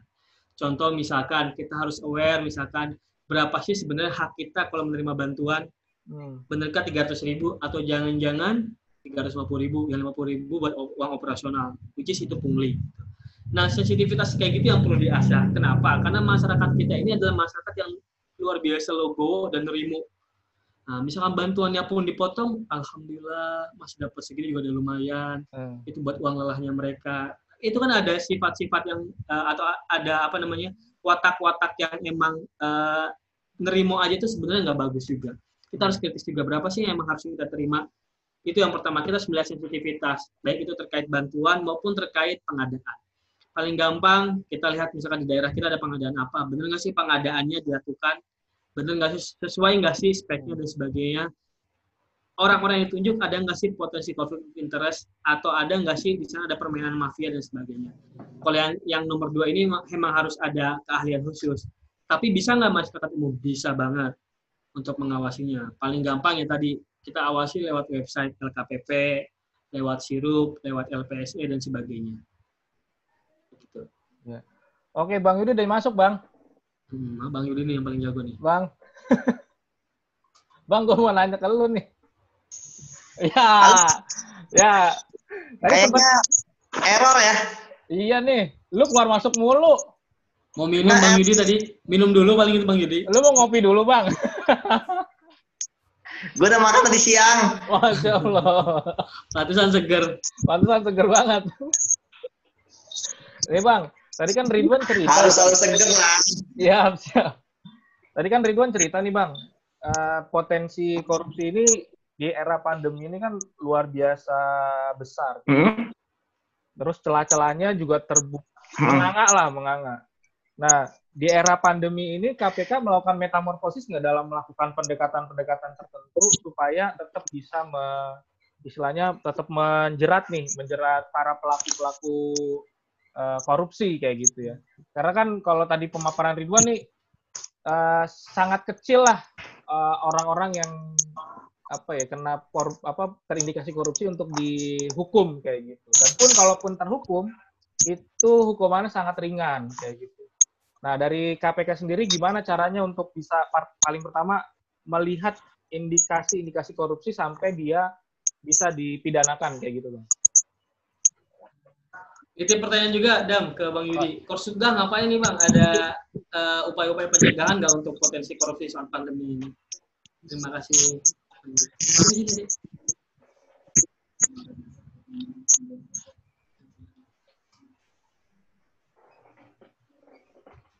Eh bang, Halo, halo. bang. Lagi Bang Yudi. Halo, halo. Oh, ya, Oh, kedengeran nggak bang tadi pertanyaannya bang? Oke, paham. Jadi Ya, ya. begini. Ya, memang kan tadi saya sampaikan dan kemudian juga di Rifan sudah menjelaskan mekanismenya ya bahwa memang kan ada apa namanya dispensasi-dispensasi lah termasuk dispensasi untuk SPJ gitu kan. Yang pertama, tapi tentu saja tadi intinya ini tadi saya sampaikan bahwa perbuatan korupsi yang dilakukan di era pandemi ini tidak dihapuskan pidananya. Artinya bisa dimintai pertanggungjawaban seperti itu. KPK sendiri sekarang ini kan kita melakukan yang dinamakan dengan pencegahan, ya, korsubgah ya turun ya. Kita sudah memantau banyak titik-titik ya korupsi, misalnya adanya suap, adanya gratifikasi, konflik of interest, adanya rawan manipulasi markup, adanya rawan administrasi dan sebagainya. Itu sudah kita antisipasi ya. Teman-teman Kosubga pun uh, sudah turun ke daerah kan kita juga ada unit Kosubga yang udah kerjasama dengan bupati, gubernur, wali kota ke daerah-daerah gitu kan. Jadi kalau untuk pencegahan udah kita lakukan lah dengan semaksimal mungkin. Sekarang kan uh, apakah nanti akan ada korupsi ya? Jawabannya nggak sekarang, gitu kan? Jawabannya ya nanti setelah proses ini berjalan. Nah, selesai itu baru bisa ketahuan dengan misalnya adanya audit dari BPK, BPKP, adanya laporan masyarakat. Itu yang juga penting gitu kan. Sekarang ini yang bisa kita maksimalkan ya laporan masyarakat kan banyak yang viral tuh. Ada pemotongan bansos dan sebagainya. Itu kan untuk yang korupsi kecil ya, PT corruption ya. Artinya korupsi yang tidak ditangani oleh KPK. Nah, tapi korupsi ditangani oleh KPK nanti akan kita lihat apakah dia korupsinya di atas satu miliar, kemudian juga apakah dia penyelenggara negara, misalnya PPK gitu kan, bupati, wali kota, gubernur, nah, atau penegak hukum atau orang lain yang ada kaitannya dengan kedua subjek hukum tadi. Nah, tapi setidaknya gini, memang eh, sekarang ini kok eh, apa namanya kalau kita tergantung penerapan pasal. Kalau penerapan pasal pasal 2 dan pasal 3, tentu saja itu setelah semua proses mulai dari identifikasi kebutuhan sampai dengan ini eh, itu berjalan dengan baik gitu kan. Seperti itu. Gitu Dam. Kalau misalkan eh, tindak pencucian, eh tindak, tindak pidana pencucian uang tuh gimana bang? Dan dia pergi lagi. tindak tindak pidana pencucian uang gimana bang? Di misalkan di bansos gitu bang. Di KPK sendiri gimana bang? Ada ini nggak istilahnya? eh, udah ada bacaan belum tentang itu? Tindak pidana gimana? pencucian, tindak pidana pencucian uang bang di bansos segala macam. Tindak pidana pencucian itu apa sih gitu kan? Tindak pidana pencucian it- uang itu kan terjadi setelah ada tindak pidana asal, artinya tindak pidana korupsi gitu kan? Dan tindak pidana pencucian uang itu biasanya satu step setelah tindak pidana korupsi terjadi gitu kan? Tapi Ini saja kan- dia Harus dibuktikan dulu. Tapi kalau Gitu. misalkan dia korupsinya di tempat lain, Bang. Misalkan sebelum ada COVID-19 nih. Oh itu bisa. Nah, Jadi gini, saya sampaikan korupsi yang dilakukan sebelum itu juga bisa berlanjut sekarang gitu kan. Jadi tidak jadi masalah gitu kan. Jadi memang banyak bias di masyarakat yang perlu kita luruskan di sini gitu kan. Nah kalau TPPU ya saya pikir TPPU ya bisa diterapkan asal tindak pidana asalnya itu bisa diketahui apa gitu kan. Hmm. Tapi saya sampaikan jangan terburu-buru dulu kita ngomongin penindakan korupsi karena ini saja kan semua masih proses gitu kan. Kecuali memang sudah ada yang eh, apa namanya uang suapnya sudah nyampe duluan ya kan biasanya kan banyak yang modus seperti itu Eh, apa namanya sebelum apa menang pengadaan harus nyetor 10%. Nah, kecuali kalau itu ya. Nah, tapi kan itu kan pasalnya suap menyuap. Artinya ya pidananya hanya terhadap uang yang diterima itu gitu. Nah, tapi apakah dia akan melakukan TPPU? Saya pikir masih jauh. TPPU kan nanti dia akan bagaimana dia menyamarkan uang dia, menaruh deposito, investasi dan sebagainya. Saya pikir itu terlalu inilah apa namanya bisa jadi kemungkinan ada ya tapi memang itu tahap selanjutnya gitu kan kalau TPPU seperti itu menggunakan aset kejahatan yang oleh TPPU itu nggak sekejap itu betul berlam berbulan-bulan bertahun-tahun gitu kan untuk bisa menyembunyikan asetnya Hmm. seperti itu Ya, yang dikhawatirkan kan dia udah bertahun-tahun ngilangin jejaknya di saat kayak gini, Bang. Itu yang jadi apa momentum ya. Bisa ya, Bang? Nah, kalau itu kan gampang, kan penyidik itu kan punya misalnya follow the money gitu kan, follow the evidence, follow the witness, follow the suspect gitu kan, ya gampang lah. The, uang itu kan dia itu uang itu kan bisa bisa berubah jadi bentuk barang, berubah bisa berubah jadi bentuk uang tapi ditaruhnya di, di saham, bisa juga taruh di tempat tidur gitu kan, atau juga apa taruh di mesin cuci kalau benar-benar mau mencuci uang gitu kan. Biar bersih sekalian apa ya? Biar bersih sekalian gitu kan. Jadi. Okay. baik baik. Siap. Oke, ini kayaknya udah ada banyak yang nanya-nanya nih bang. Uh, private gua. ya. Hah? Kayaknya sinyal udah ya. Udah udah udah mendingan udah mendingan. Nah ini ada yang mau nanya-nanya. Mungkin uh, biar nggak salah penyampaian dari gua. Ini gua kasih ke langsung ke orang-orang yang nanya aja ya. Ini pertama pertanyaan pertama dari Bang Yana. Bang Yana monggo Bang Yana nih gua unmute langsung disampaikan aja. Iya, makasih. oh, Saya ibu-ibu Bayana sih. ya, ibu-ibu. maaf, maaf. maaf, Bu. Oh, maaf ya, Bu. kameranya off soalnya Ya, sebenarnya apa-apa. ibu-ibu. Ya, Siap, siap. Assalamualaikum warahmatullahi wabarakatuh. Waalaikumsalam warahmatullahi wabarakatuh. Ya, yang saya ingin tanyakan, ini kan terkait dari pandemi COVID-19 ini, tadi juga sudah disampaikan sih, masyarakat nggak jauh-jauh, tetangga saya juga bilang, eh, dia sampai nggak bisa makan karena dia pekerja salon, kemudian dia di PHK, kemudian saya waktu itu bilang, itu minta dia sama Pak RT. Nah, tapi disampaikan, saya nggak ada di list daftarnya. Tapi saya juga membantu juga susah karena tidak tahu channel pengaduannya ke mana. Kemarin sih kalau yang di Ridwan Kamil yang di Bandung itu Ridwan Kamil kan menyediakan channelnya, tapi kita nggak tahu impl- implementasi di lapangannya seperti apa. Nah dalam hal ini sebetulnya tanggung jawab siapa ya untuk eh, melaku- apa memberikan layanan apa eh, hal-hal seperti itu sehingga masyarakat itu bisa juga tadi kan dikatakan harus proaktif membantu juga supaya yang namanya korupsi itu bisa betul-betul di kalau nggak bisa dihilangkan paling tidak diminimalkan. Nah itu sebetulnya tanggung jawab siapa. Kemudian ya masyarakat kalau mau mengadu jadi ya ke mana gitu. Hmm. Ya mohon dikomentari oleh para narasumbernya. Terima kasih. Ya, terima kasih Bu Yana atas pertanyaannya. Ya, langsung ke Bang Ridwan dulu ya, biar Bang Yudi tarik napas dulu kayak gitu. Ntar kecapean Siap. dia kan. nah, sebenarnya Ya. colokan charger. eh, Ya, sebenarnya kepada siapa nih eh, tanggung jawabnya untuk persoalan eh, saluran pengaduan masyarakat kayak gitu ya. Baik. Bang Ridwan. terkait eh, sebenarnya kalau ditanya tanggung jawab siapa ketika pandemi terjadi, lalu orang yang terdampak tanggung jawab siapa? Pertama siapa yang jawab secara positif undang-undang kebencanaan maupun undang-undang karantina wilayah memang tanggung jawab utama ada di siapa ada di negara sebenarnya untuk membantu orang yang terkena pandemi ini. Bahkan di eh, undang-undang kebencanaan misalkan salah satu kewajiban negara adalah eh, untuk memberikan untuk memenuhi kebutuhan dasar bagi orang yang terdampak. Di undang-undangnya nggak bilang loh hanya orang miskin yang kena, tapi semua orang yang terdampak harusnya dapat bantuan. Kalau ngomongin undang-undang bencana, tapi kan kita harus bijak juga melihatnya. Kira-kira cukup nggak sih anggaran negara untuk menghadapi ini semua? Jelas nggak bakal cukup. Amerika aja yang negara superpower dia lagi mencari utang pinjaman 45 ribu triliun untuk menghadapi COVID-19 ini. Walaupun pertama memang kita harus mempush negara untuk melakukan bantuan ini, terutama soal uh, ketepatan sasaran, keakuratan data, kemudian uh, keterkinian data itu menjadi penting harus kita dorong pemerintah untuk segera melakukannya.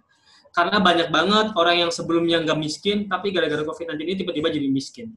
Bagaimana model pendataannya dan sebagainya. Atau kalau misalkan yang tinggal di Jabodetabek, terutama dia perantau, dia nggak punya KTP daerah, eh dia nggak punya KTP uh, Jabodetabek, dia punya KTP daerah. Tapi dia orang terdampak. Apalagi sekarang udah nggak bisa pulang kampung atau mudik. Lalu gimana? Nah, itu kan menjadi persoalan tersendiri. Berarti ada persoalan mendasar soal akurasi data dan juga uh, kekinian data yang emang itu harus diselesaikan oleh pemerintah. Kita sebagai masyarakat harus monitoring itu. Namun di satu sisi juga kita tidak bisa memungkiri bahwa negara juga terbatas jumlah dananya, jumlah uh, apa namanya, jumlah anggarannya.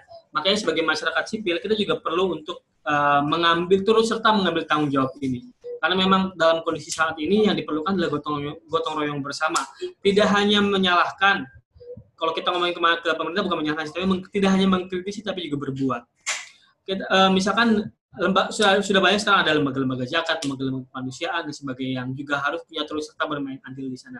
Bahkan dalam entitas paling kecil RT RW tadi sebenarnya harusnya ini sudah dilakukan di beberapa di beberapa wilayah ada semacam tanda kutip subsidi silang di antara warga yang mampu pada warga yang nggak mampu misalkan di beberapa daerah sebenarnya udah viral uh, dan itu perlu sensitivitas sekali lagi uh, eh, RT atau RW-nya. Nah ini kadang-kadang jadi problem juga nih. Bagaimana daerah, terutama daerah ya, menghadapi COVID-19 ini juga bermacam-macam tanggapannya. Kenapa? Karena kualitas pimpinan daerah masing-masing daerah juga beda-beda. Kualitas kemampuan SKPD atau kemampuan pemerintah daerah untuk merespon bencana juga beda-beda. Contoh paling gampang deh, kita kita akan kita melihat disparitas yang begitu besar antara kebijakan Jabar sama kebijakan Banten. Ridwan Kamil begitu begitu progresifnya mengeluarkan berbagai kebijakan, berbagai inovasi untuk menanggulangi COVID-19. Tapi gimana dengan Banten, tempat tinggal saya nih, karena saya di daerah Banten, saya tinggal di daerah Tangerang Selatan. Uh, Gubernur Wahidin Halim ngapain aja kita juga nggak tahu atau wali kota Tangerang Selatan ngapain aja? Kebijakannya belum jelas terasa. PSBB hanya sekedar himbauan dan hanya sekedar ada di atas aturan. Apalagi kalau ngomongin soal jaminan sosial dan sebagainya itu jadi PR banget. Karena masing-masing daerah punya uh, apa namanya kemampuan yang berbeda-beda ya? sensitivitas kemampuan dan juga kapabilitas yang berbeda-beda. Nah kita nggak usah ngomongin jauh-jauh ke daerah-daerah yang jauh dari Jakarta. Ngomongin Jabodetabek disparitas sudah kelihatan banget antara Banten sama Jabar misalkan. Kayak gitu semoga Banten, bisa menjawab. Banten, Jabar, Jakarta gitu itu masih Oh, iya beda-beda. Ya. Apalagi ngomongin Jakarta. iya, kalau Jakarta kan dananya gede. Biarpun secara persentase gede, pengkalinya gede. Kayak gitu. Iya. Okay. Nah, oh, sorry, kalau satu lagi tadi belum dijawab, kita bisa mengadu ke mana? Nah, ini yang iya. menjadi rekomendasi saya juga. Sekarang kalau masyarakat, sekarang kan channel pengaduan soal COVID-19 ini belum terintegrasi Ya. Kalau kita ngomongin pungli, kita bisa ngadu ke saber pungli. Kalau kita ngomongin pengadaan yang misalkan uh, ada disinyalir bermasalah, kita bisa ngadu ke KPK atau ke inspektorat atau ke API. Uh, kalau kita mau ngomongin uh, ada salah apa namanya uh, keputusan dari pemerintah dan sebagainya, kita bisa ke ombudsman atau ke PT UN dan sebagainya. Hmm. Itu kan ribet bagi masyarakat. Ya. Harusnya memang pemerintah tuh bikin semacam uh, gugus tugas yang khusus untuk menangani pengaduan COVID-19 ini, baik itu pengaduan soal bantuan yang tidak tepat sasaran, akurasi data, kemudian juga uh, apa penyelewengan bantuan dan sebagainya. Harusnya memang ada gugus tugas yang mengintegrasikan kanal pengaduan ini. Sayangnya enggak. Sekarang masyarakat kan bingung kalau mau ngomong, mengaduin uh, Pak RW yang ngedata cuman warganya sendiri atau sorry, cuman keluarganya sendiri gimana? Siapa harus ngadu? sebagainya. Kita nggak seresponsif Taiwan, kita nggak seresponsif Korea Selatan yang sudah terintegrasi uh, kanal pengaduannya bahkan informasinya pun terintegrasi. Gitu. Itu ya, jadi problem kita sih. Siap. Bang Yudi gimana Bang Yudi? Dari Bang Yudi? Bang? Lagi minum dulu Bang Yudi. Bang Yudi hilang-hilangan nih.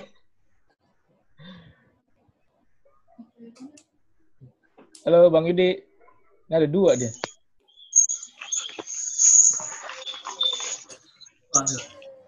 Bang, lu kok ada dua, Bang? ada dua. Iya, ada dua. Yang...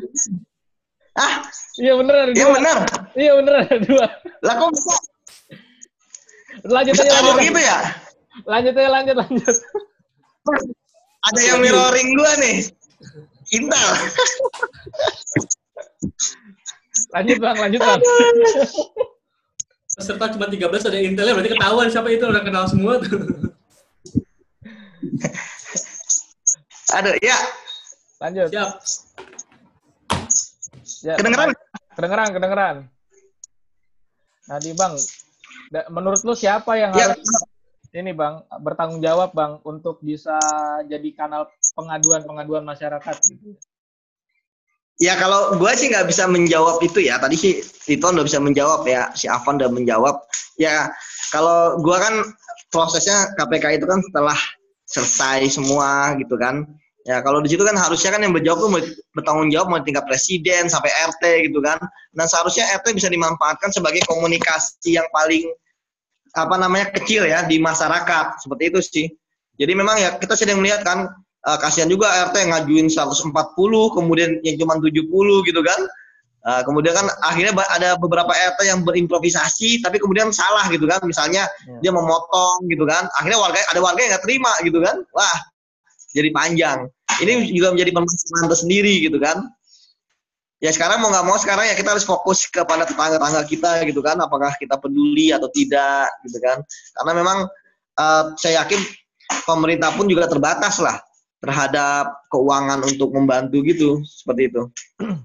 Ya, tapi okay. kalau tapi kalau misalkan kita bicara anggaran sebenarnya satu sisi terbatas, satu sisi banyak hal yang bisa dimaksimalkan sebenarnya Bang. Kalau kita ngomong sama orang ekonom-ekonom ya kemarin diskusi-diskusi santuy sebelumnya sebenarnya banyak dana yang bisa dimanfaatkan gitu. Misalkan pemotongan e, gaji pejabat-pejabat ya itu kan sudah dilakukan tapi ya bisa jadi menahan beberapa bulan kayak gitu kan gajinya yang seperti dilakukan oleh beberapa negara kayak gitu.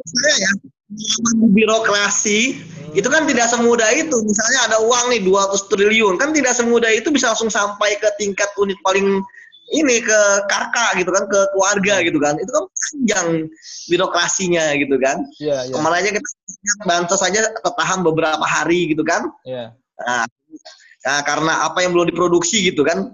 Nah, iya. Yeah, yeah. Nah, itu yeah uh, apa namanya? Jadi kan dalam ini kan ada yang benar-benar uang murni, ada yang enggak itu banyak lah, banyak apa namanya uh, ketika saya memahami birokrasi itu emang panjang gitu kan. Seperti itu. Oke. ya. Oke, lanjut aja ke pertanyaan kedua ya. Ini dari Mas Himawan. Mas Himawan silakan Mas Himawan untuk bertanya.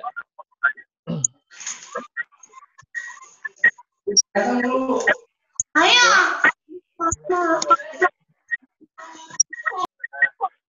saya mau tanya sama Mas Didi sama Mas Ridwan. Ya. Uh, pertama pandangannya tadi mengenai beberapa uh, pendapatnya Mas Didi dulu deh. Uh, Mas Simawan di mic-nya dideketin Mas. Kurang kurang keras. Ya. Yang pertama buat Mas Didi tadi tentang pandangan soal etika sebaiknya sekarang sudah membahas soal perpu nih. jadi mengenai perpu tadi Mas jadi ini kan kita memang paham ya uh, soalnya ketemu Mas Yudi kan terakhir 2010 ini 10 tahun kemudian masih juga jadi mahasiswa masih ketemu lagi pertanyaan saya masih ada mirip sama nih cuman coronanya adalah suasana corona di di tahun ini kita menemui perpu yang nomor satu ini ada hal imunitas di pasal 27 maksud. kita paham bahwa uh, hal pidana korupsinya tidak akan hilang tetapi sampai hukumnya kemudian uh, malah imunitas gitu kan seperti SSK dimunculkan, Kemenkeu juga, LPSBI. Kalau kasusnya Senturi nanti bakalan terulang dalam hal corona ini gimana nih pandangan kpk soal menghadapi persoalan sampai hukumnya bakalan tebal gitu. Lalu yang kedua, uh, yang kedua uh, saya mau tanya ini, saya kurang pendapat kalau harus menunggu coronanya usai uh, KPK harus turun jadi alangkah baiknya sebenarnya upaya pencegahan juga didahulukan. Meskipun kita lihat KPK sudah mendahului soal pembekalan PBJ sama kepala daerah bulan uh, bulan April yang lalu. Uh, tetapi tindak lanjutnya gimana nih sekarang? Apakah ada monitoringnya atau tidak? yang sangat dibutuhkan sebenarnya. Nah, kalau pandangannya KPK sendiri sekarang gimana sih kalau bisa nah kami nih orang-orang seperti mahasiswa yang terus belajar mengiakan korupsi juga ingin uh, Jumat keramat itu ada lagi. Kemudian di masjid yang Suci Rajmilo ini masih harus tampil juga sering-sering nanti di depo di koran-koran kapan lagi kepala daerah lagi jangan dipamerin kepala daerahnya gitu kan. Jadi ya kami masih berharap nih uh, apa kalau bisa ya masa-masa sekarang seperti kejutan juga yang kecil ada yang tertangkap. Kami yakin sebenarnya sudah ada bahkan di beberapa daerah yang kami tinggal sekarang juga malah e, korupsi kecil sudah terjadi gitu. bahkan ada uang bantuannya sosial uang dari masyarakat yang e, apa sifatnya dari swasta malah itu yang dikorupsi nah itu aja nih tanggapannya. Barangkali mohon e, arahannya teman-teman salam buat Mas dan Mas juga terima kasih siap ya Ya, langsung aja ya. Mungkin ini lebih berat ke Bang Yudi nih. Ini Bang Yudi aja nih, mah. Ini Bang ya. Yudi aja ini, mah. Bang, nih kayak ini privat, Bang, buat lu, Bang. Pertanyaan privat nih. Ini menyoal tentang KPK nih. Silakan tadi kedengeran nggak bang pertanyaannya? Iya Dam. Ulangi Dam, ulangi Dam. Nah, uh, bang, bang Himawan ini kurang setuju dengan lu bilang tadi. Yang pertama ya, uh, kalau misalkan uh, penindakan korupsi ini harus menunggu COVID ini selesai. Padahal kan uh, naga-naganya gitu, naga-naga dari korupsi ini udah udah ter, udah, ter, udah terlihat gitu, mbak, udah terlihat di masyarakat. Gitu. Kalau di masyarakat dia kan uh, udah terlihat di bagaimana penyaluran bansos dan seterusnya tuh. Iya ya paham. Ini, nah terus. Ah, ya jadi mungkin tadi salah tangkap ya, salah tangkap ya. Saya tadi kan sampaikan bahwa kita harus lihat pasalnya. Kalau pasal kerugian negara, ya tentu saja dia itu harus menunggu dari masa proses pengadaan barang jasa itu selesai gitu kan. Ah, tetapi kalau pakai pasal suap menyuap, ya itu bisa saat ini pun kalau ada yang korupsi, ada yang suap menyuap, itu bisa ditangkap gitu kan. Seperti itu. Tapi nah, peluangnya peluangnya gede nggak sih bang suap menyuap itu di sekarang sekarang ini? Harusnya besar ya, tapi ya tadi saya harapkan kan KPK kan juga ada pencegahan dari awal COVID ini KPK juga sudah bikin surat edaran, ya kan? Itu yang pertama. Yang kedua membentuk satgas yang melalui tim COVID-19 apa namanya uh, Korsubda Korsubga gitu ya pencegahan. Jadi sebenarnya itu sudah dilakukan. Jadi pencegahan sudah masuk gitu kan. Ya tinggal penindakan saja. Nah, Masuknya bang, seperti apa gitu. Itu itu bisa di-share nggak Bang? Kira-kira uh, kita bisa kontak ke mana gitu untuk uh, Satgas pencegahan itu supaya teman-teman uh, yang hadir di sini bisa juga mengakses itu Bang. Atau mungkin nanti gue bisa bisa membagikan akses itu ke publik gitu biar teman-teman yang nggak ikut diskusi kali ini bisa juga mengakses. Kalau korsub pencegahan kan lebih banyak untuk mendampingi dari pihak aparatur sipil negara ya di daerah-daerah gitu ya. Hmm. Dan kementerian-kementerian. Jadi bukan untuk masyarakat gitu kan. Kalau masyarakat ingin mengadu ya silakan saja ngadu ke, ke KPK. Tetapi kita bisa sampaikan bahwa KPK itu hanya bisa menangani terbatas, tidak semua kasus korupsi bisa ditangani hmm. gitu. Nah, tetapi selain itu kan yang bisa menangani kasus korupsi yang yang mau dari bawah sampai tingkat level atas kan ada kejaksaan, ada juga uh, apa sih namanya itu kejaksaan sama kepolisian juga itu mereka bisa menangani uh, kayak bansos-bansos ini ya kalau ada yang korupsi ya kepolisian bisa menangani seperti itu. Hmm, Oke. Okay.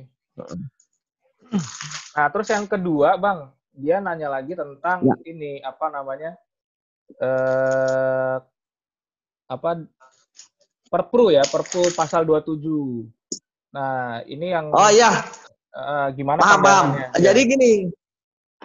Ya, yang jelas memang mau tidak mau suka atau tidak suka kan itu ada yang tadi saya sampaikan, mungkin tadi tidak ya, belum masuk ya. Itu kan ya. untuk mencegah adanya kriminalisasi bagi penyelenggara negara yang terlibat dalam proses dan penanganan pandemi ini gitu kan. Hmm. Nah, tetapi kan di situ sudah jelas bahwa ada syaratnya yaitu itikat baik. Ya, kalau dia tidak punya itikat baik misalnya dia menunjuk pemenang lelang tetapi dia menerima uang ya itu kan nggak ada itikat baik ya dan bisa dipidanakan juga melalui tindak pidana korupsi seperti itu.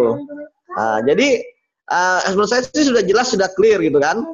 Gitu. Jadi kalau itikat baik itunya tidak ada ya selesai gitu kan. Jadi tidak bisa itu digunakan. Ya, tapi apalagi apakah, kan ini Hah? Apakah ini bang, apa namanya itikat baik itu mudah untuk dibuktikan gitu? Padahal kan itu tersembunyi dalam hati bisa jadi. Ya makanya itikat baik itu paling gampang dibuktikan dengan perbuatan. Hmm. Aktis rius mens rea gitu kan. Nah, jadi kita bisa lihat dia punya kalau itikat baik kan kalau dia apa namanya melakukan suatu perbuatan sesuai dengan prosedur. Nah, kalau ternyata dia tidak sesuai dengan prosedur, apakah itu disebut itikat baik? Kan bukan. Gitu. Tapi banyak tapi kan banyak juga, Bang, yang melakukan uh, istilahnya itikat tidak baik tapi tetap taat asas supaya dia bisa melindungi kepentingan dan niat tidak baik. Lah, ketika dia nah, ketika dia terima uang, apakah itu ikat baik? Pas kalau terima ada yang baik. Artinya uang suap gitu. gitu. Uang iya. Itikat baik itu kan paling gampang dipatahkan dengan tadi ada nggak perbuatan-perbuatan dia, misalnya dia apa namanya um, itikat baik. Dia misalnya dia nunjuk nunjuk pemen, uh, tunjuk langsung uh, suatu perusahaan. Ternyata dia sering makan bareng dia ada deal dengan perusahaan itu gitu kan? Hmm. uh, atau HPS-nya ditinggikan. Uh, apa namanya ada kolusi ada markup dengan pengada apa namanya pengusahanya gitu. Itu gampang lah dibuktikan. Ya baik. Thank you bang bang Yudi. Nah masuk ya. Tadi ada juga yang mau nanya dari bang Restu ya Bang Restu, silakan Bang Restu. Assalamualaikum warahmatullahi wabarakatuh. Waalaikumsalam. Waalaikumsalam. Nah ini jelas nih, ini jelas nih. Ya ini jelas nih. Nah. Enggak ini orang ini mah orang PPATK nih. Kenalin. Kerja. Tebak teman sama Bang Yudi nih. Sering ketemu sama orang PJKK kalau di kantor. Mas Iman, Pak Juanto. Nah. Mbak kita yang sering saya ceng-cengin cie cie yang mau jadi ASN cie. Ya, jadi bang bang Yudi udah jadi ASN belum nih? Sabar ya bang ya. Sabar ya bang Yudi ketua ya, korpri cabang kuningan. Ketua asam. Udah, udah, bang, lu jadi pegawai KPK, bang. Udah lebih dari satu dekade, bang. Ya Allah. Wih. Iya dong, itu udah lebih dari satu dekade. Nah, ini apa? lanjut lanjut oh, iya. Saya lanjutin ya. Uh, udahlah ngeceng-cenginnya dah. apa? Uh, saya jadi lupa mau ngomong apa. Oh iya, pertama ini buat kita semua masyarakat itu sebenarnya bisa sangat membantu apa KPK dan juga penegak hukum lainnya di dalam penjagaan korupsi di era pandemi ini karena kita punya satu senjata ampuh daripada daripada sekedar kanal pengaduan yaitu media sosial. Twitter itu kan punya magic yang sangat besar kan. Nah, itu bisa dilihat kok uh, apa korupsi pandemi itu enak banget untuk dilihat. Pertama, misal dari pembagian bantuan, misal jatahnya satu orang itu misal berapa 300 ribu atau berapa dan ada yang wilayah yang ngasih itu dalam bentuk barang kan bisa dilihat minyak goreng tropikal berapa, sabun gift berapa, itu berapa, dihitung aja sendiri, blow up di media sosial. Nanti bisa dilihat apakah ada selisih di situ. Selisihnya saya yakin pasti satu lebih dari satu miliar. Dan itu pasti saya yakin juga dilakukan oleh penyelenggara negara. Jadi ya itu satu mudah. Jadi kita punya media sosial yang jauh lebih kuat daripada kanal pemerintah ya tahu sendiri birokrasi kan kita masih kayak gitu. Nah, terus ini uh, terus yang kedua kalau apa? Kalau bansos itu uh, kalau yang kasus-kasus yang dulu udah vonis-vonis itu ini penggunaan rekening. Jadi sesimpel ini aja bansos diendapkan bunga rekening dapat berapa jangan remehkan bunga rekening dari situ gede itu nah dari situ aja penegak hukum sudah bisa melangkah sudah bisa melangkah lebih jauh mau ke mana. Nah, gitu.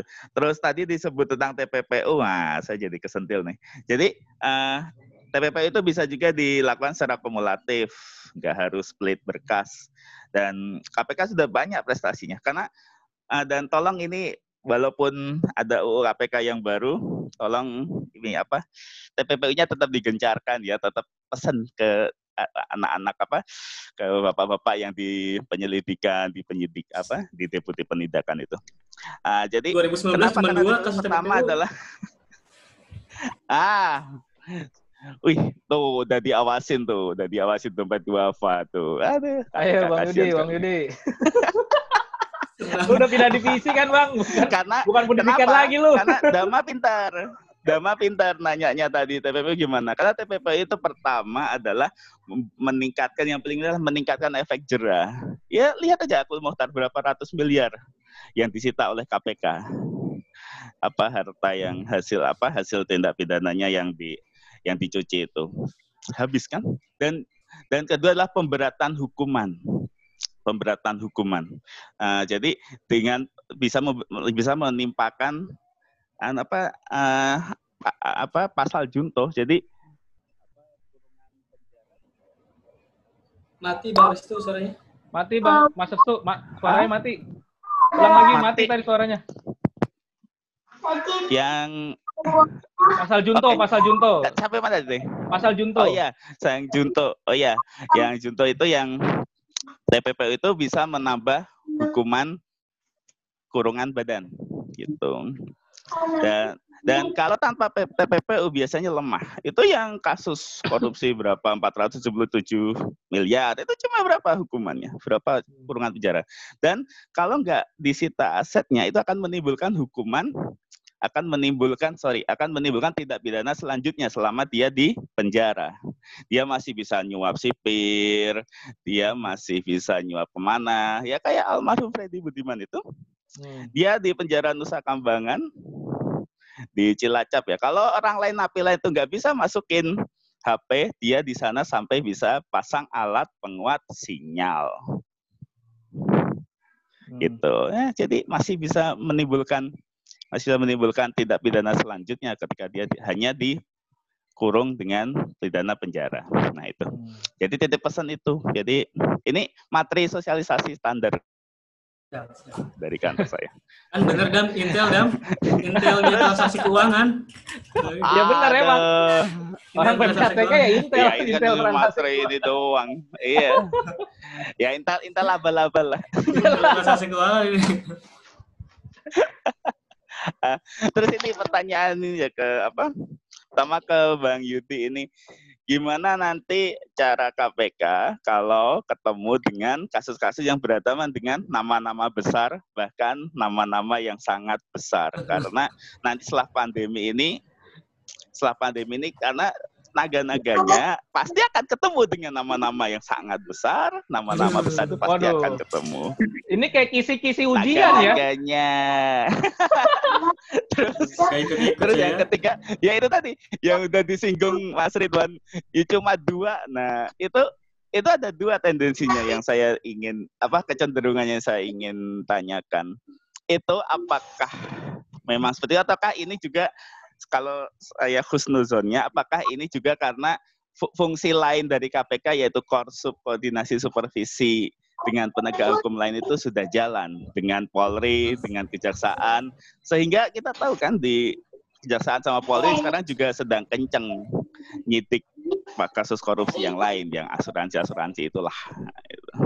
Nah, itu. Nah itu, itu apakah memang seperti itu tanda bahwa fungsi KPK yang lain itu korsup itu sudah jalan dengan baik? Nah itu apa ya kecenderungannya seperti itu karena ada kecenderungan penyidikan oleh KPK sendiri turun, tapi di ada abang lain semangat nih sekarang. Nah, Ya, ya, ya. yang lain Direktur semangat. baru loh, Iya, direktur iya. baru. Bisa di googling aja. Siap, siap. bisa di googling kok. Oke, ini Gejala- kayaknya la- gejala langsung apa? dijawab sama Bang Bude. Oke, udah cukup itu aja ya. Ya, siap. Makasih Mas Assalamualaikum. Restu ya. Waalaikumsalam warahmatullahi Oke, Bang Bude. Ini KPK, ya, KPK makin kendor apa makin kenceng nih di era pandemi? Karena kalau dilihat dari apa namanya lembaga lain kan penegakan hukum lain makin ini ya apa namanya makin kenceng dalam mengungkap kasus-kasus kayak gitu. Nah, apakah itu artinya sebagai semangat dari koordinator subkoordinasi penegakan hukum itu sudah berjalan buat KPK atau kayak gimana, Bang?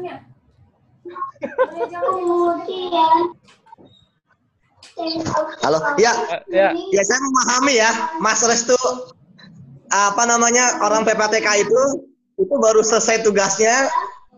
Kan memang mereka nggak kelihatan kerjanya ya mereka hanya mengirimkan LH LH ke penegak hukum ya. Tapi kan mereka bisa baca koran misalnya atau wah kasus ini selesai. Oh itu kasus gua tuh yang nangani gitu kan. Eh, jadi mereka tentu akan kecewa ketika buset gua ngasih LH tebel 100 halaman tapi nggak ada yang ditangga tindak lanjuti gitu kan. Hmm. apalagi kan memang PPTK itu kan data-data intelijen jadi ketahuan dia. Dia bisa bikin berapa layering gitu kan. Banyak contoh lah yang bisa kita gunakan. Misalnya udah inkrah kayak IKTP kan bagaimana eh, PPTK terus mensupport KPK dari sisi informasi intelijen keuangan ya. Nah, dan itu sangat sangat luar biasa gitu kan. Jadi saya kalau ketemu dengan orang PPTK gitu kepuasan mereka adalah ketika penjahat yang mereka apa namanya uh, analis dianalis oleh analis PTK itu kemudian itu masuk penjara gitu kan. Selesai tugas itu mereka. Tapi kalau misalnya ngasih doang kemudian nggak diapa-apain itu paling gede mereka itu kan capek-capek nggak bisa nggak pulang ya. Kadang-kadang mereka harus ke bank nyari data di gudang bank ya kan? Kadang-kadang data misalnya 2015 kan di bank itu udah taruh di gudang udah gitu gudangnya gudang di ujung dunia ya kan? Gitu kan? Gitu. Ya jadi saya memahami lah. Kan saya juga sering ketemu dengan beberapa teman-teman PRTK ya memang uh, sekarang ini kan banyak persepsi lah. Tapi ya kita doakanlah semoga KPK tetap kuat tetap jaya gitu kan? Ya apalagi kan masih masih banyak uh, pegawai-pegawai KPK kita yang semangat gitu ya. Ya apa namanya ya kita ya melihat ini sebuah fenomena saja gitu kan. Yang mungkin ke depannya mungkin bulan depan dua bulan lagi itu KPK akan bangkit lagi gitu kan. Asik. kalau Max KPK great again gitu kan. Kalau omongannya netral gitu kan. Dia Max KPK apa American great again gitu kan. Tapi gitu. Ya kita doakan saja lah gitu kan. Masalah penegak hukum lain bergerak itu ya saya pikir memang itu juga ada fungsi dari KPK sesuai dengan undang-undang seperti itu Ya, berarti bukan bukan berarti melemah ya, Bang ya. Tapi sudah Selamat buat menjalankan ya, direktur ya. barunya Bang Yudi. siap Oke. Ridwan, Ridwan, panas-panasin Ridwan. Kamu kan NGO. Cocok buat manas-manasin. Iya, Cocok kayak diundang damang untuk panas-panasin saya. Iya, emang buat manas-manasin. Ah, Mas. iya, Diadu udah domba ini. terus. Saya seksi adu domba aja. Oke, terakhir dari ini kali ya, dari Pak Bermansyah ya.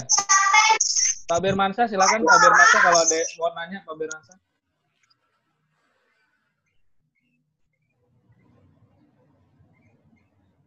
Pak Bermansyah? Masih nyimak Pak Bermansyah?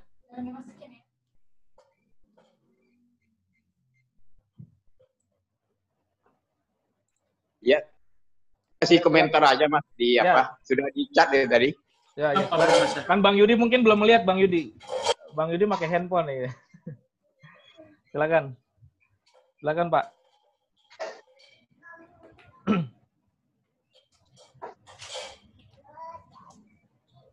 Halo Pak Bermansyah masih nyambung? Ya, masih saya cuma kasih di chat tadi. Ya, saya cuma Ah. kasih komentar aja di chat itu.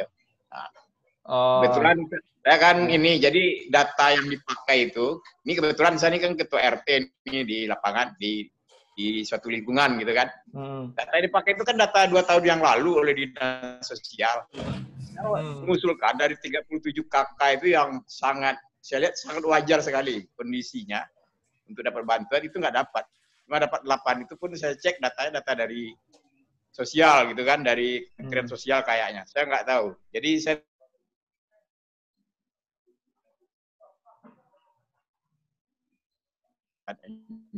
komentar saya gitu aja Terima kasih. Ya, makasih Pak. Baik.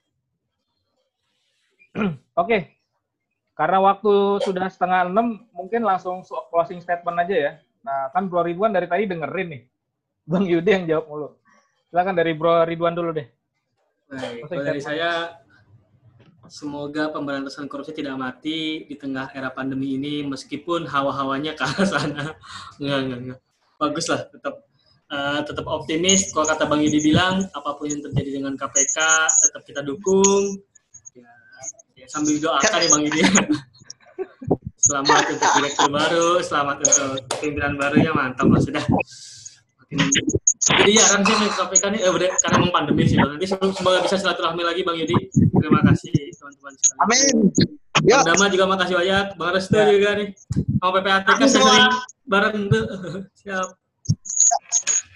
Oh iya dompet duafa salah satu yang dapat eh, rekomendasi sebagai lembaga yang tidak tempat pencucian uang teroris terutama Wah, mantap, mantap. dari PPATK. Terima kasih. Oh iya, kita soalnya banyak juga crowd- crowdfunding pendanaan teroris. Tapi itu nanti aja lah. Itu materi materi sendiri dam. Bisa ngatur. Materi sendiri deh itu. Ntar Ya. Bang Restu yang jadi pembicaraan. Iya, iya, iya. Oke, thank you dompet dua apa? Iya. udah Wan? Udah udah lah gitu aja. Oh, udah. Dari Bang Yudi Bang. Closing statement Bang. Sudah cukup, cukup. Cukup. Cukup. Allahumma lakasum itu. Allahumma lakasum. Baik, Eh, tergantung. Tergantung pakai atau yang pakai dalil yang mana ya bang ya? itu Iya. parah lu. ya. Oke, dapat. Yo, Ya, ya, ya, gue ucapin terima kasih buat Bang Yudi udah mau direpotin sama gue setelah bertahun-tahun gak ketemu, ketemunya malah di Zoom, ya kan? Mudah-mudahan bisa silaturahmi Bang ke KPK Bang. Ya, dengan forum-forum yang lainnya ya. Mudah-mudahan bisa satu forum sama Bang Yudi. Terus juga terima kasih buat Bro Ridwan ya yang udah mau eh, merekomendasikan tema ini ya. Nah, sehingga bisa terlaksana juga nih eh, ngobrol-ngobrol kita tentang era eh, korupsi di era pandemi. Ya, dari gua mudah-mudahan pemberantasan korupsi tetap hidup ya. Panjang umur pemberantasan korupsi sampai korupsi itu tidak ada di muka bumi.